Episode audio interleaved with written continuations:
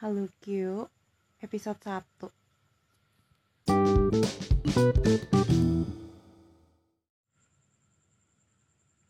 Konoha Akinori.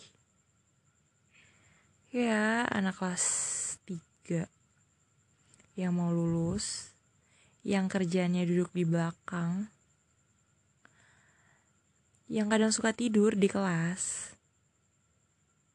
Hari ini memanggilmu ke taman belakang. Berdua saja. Ngapain kira-kira? Ngapain ya? Dan di sinilah dia sekarang bersamamu dengan dasi yang diikat tidak kencang, kemeja dikeluarkan, dan blazer yang dipakai salah-salan. Ah, tapi rambutnya yang jatuh menutupi mata itu masih selalu begitu. Masih seperti pertama kali kamu melihatnya dulu di upacara penerimaan siswa baru. Ingat tidak? Kenapa malah flashback sih? Kamu meruntuki dirimu yang melihat Akinori sekarang berbeda dari yang dulu. Ya iyalah, mereka kelas 3 sekarang. Udah mau lulus, udah mau kuliah, udah mau menata masa depan. Ngapain manggil aku ke sini?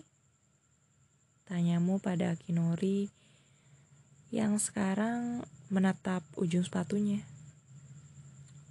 Yang mau gue omongin? Jawabnya tidak berani menatap matamu. Ya udah, ngomong aja. Kamu agak ketus. Memberi kesan kalau tidak suka diajak-ajak ke ke sini. Berdua doang. Apaan sih? Basi. Dalam keterdiaman, kamu menunggu menunggu bocah ini mau minta apa. Minta dipinjami PR lagi. Atau izin mau menunggak uang kas seperti waktu kelas 2. Yang mana pun kamu merasa bodoh amat. Neng, kata Akinori. Ah, kamu berdehem. Masih saja ujung sepatunya yang ditatap. Padahal kamu berdiri di depannya. Ada-ada saja laki-laki ini. Lalu tanpa sadar, Konoha Kinori memutuskan untuk menatapmu. Perlahan, perlahan, dan Tatapan itu mengunci seluruh pandanganmu. Akinori seakan menjadikanmu hanya satu-satunya atensi yang ada di dunia ini. Satu-satunya yang bisa ditatap. Satu-satunya yang bisa ia lihat. Ingin berbicara apa dia? Entahlah. Tapi tidak ada pertanyaan yang berani kamu keluarkan. Kamu hanya sanggup menatapnya juga. Dia macam apa ini? Canggung macam apa ini? Kamu belum terbiasa. Sama sekali belum. Kalau gue menang, jadian yuk. Tiba-tiba Akinori Konoha mengatakan maksud dan tujuannya. Hah? Menang apaan? Jadian apaan? Kamu berusaha sebisa mungkin untuk tidak terlalu senang, tidak terlalu berharap, dan pokoknya biasa-biasa saja. Lagi pula senang terhadap apa? Aneh. Kok jadi kayak berharap begini sih? Menang turnamen. Gak tau kenapa ya. Gue akan berusaha. Pokoknya gue bakal berusaha aja di turnamen ini. Turnamen nasional. Kalau gue menang, lu harus jadi pacar gue. Gimana? Kok maksa sih? Kata kamu. Ya udah. Mau nggak? Akinori memaksamu menjawab. Lah menang aja belum udah minta jawaban gimana sih lu? Kamu ikut ngegas. Ya udah, bilang dulu kek. Kalau misalnya iya kan gue jadi semangat nih nanti waktu tanding. Kata Akinori. Lah, emang lu pernah semangat? Kamu tidak percaya padanya. Ya, gue bakal semangat sih. Kan nanti bisa jadi pacar lu. Akinori tertawa, malu-malu. Lucu. Ya apaan sih gak jelas banget lu. Kayak lo bisa menangin pertandingan kayak gini aja sih. Emang biasanya lo semangat. Tumben-tumbenan amat. Lalu kalian saling tatap, malu-malu. Entah kenapa senja sore itu terasa hangat sekali. Entah kenapa.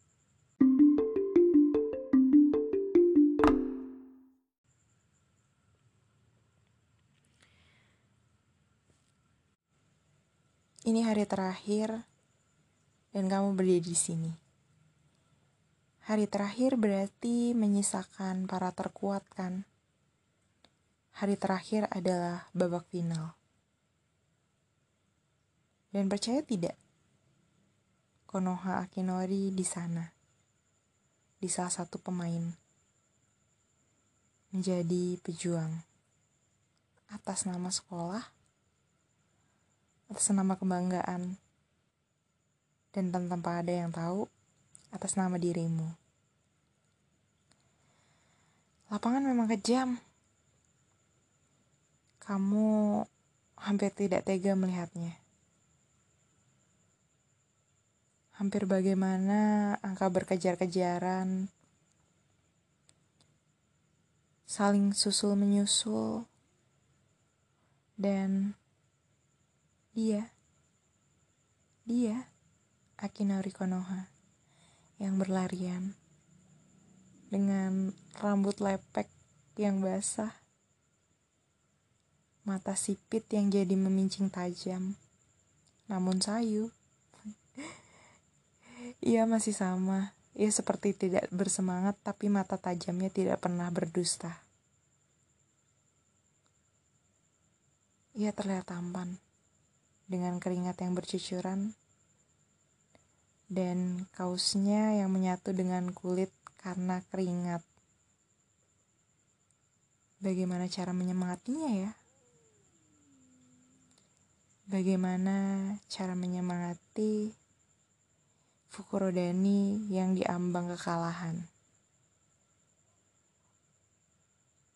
Detik-detik terakhir dengan semangat yang pupus.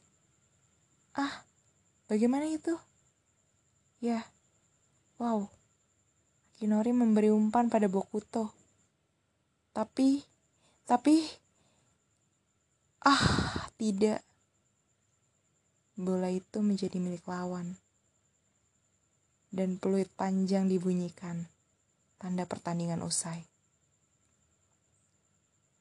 Aku malu mengakuinya. Ah, bukan malu. Aku takut mengakuinya. Ukurodani hari itu kalah. Ya, Pukurodin ini kalah. Yang artinya Konoha Kinori yang berada di sana pun juga kalah.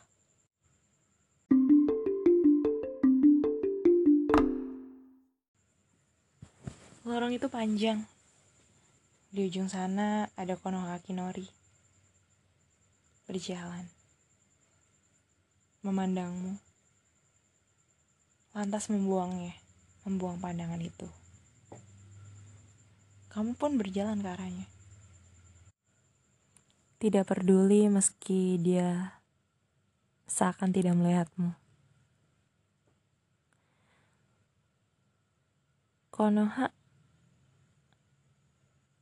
kamu manggilnya. Ngapain di sini? Tanyanya. Lalu duduk di antara kursi kosong di lorong yang juga kosong itu. Ngeliatin lo tanding. Kamu menjawabnya enteng. Ngapain ngeliatin gue tanding? Gue kalah. Ia melempar sapu tangan handuknya itu dengan asal.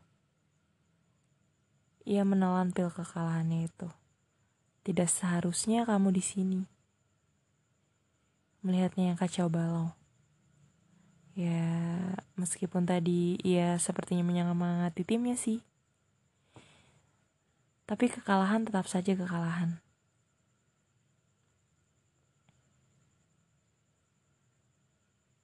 Hening lagi. Kamu dan dia terdiam.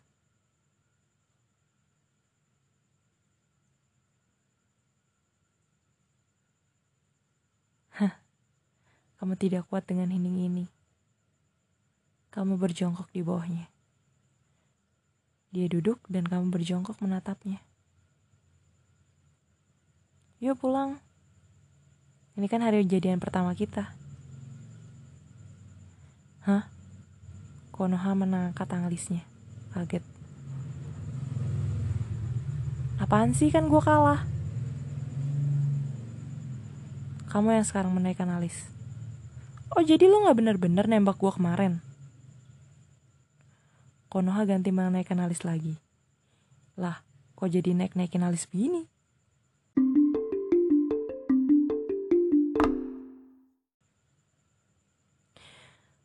Gini ya.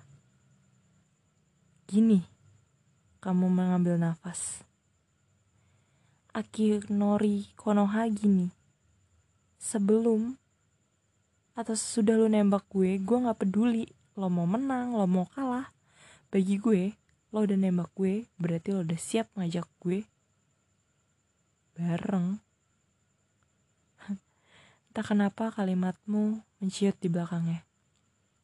Karena tidak nyaman dengan reaksi Konoha yang kaget mulutnya menganga. Kamu khawatir mulutnya jatuh lalu tergelentak di lantai karena copot. Lagi pula aneh banget sih. Masa nembak aja, masa nembak aja mesti menang atau kalah? Emang dia bareng taruhan. Kalau suka kan bilang aja suka. Apaan sih? Gak jelas. Dasar kono gak jelas. Jadi kita jadian. Menurut lo,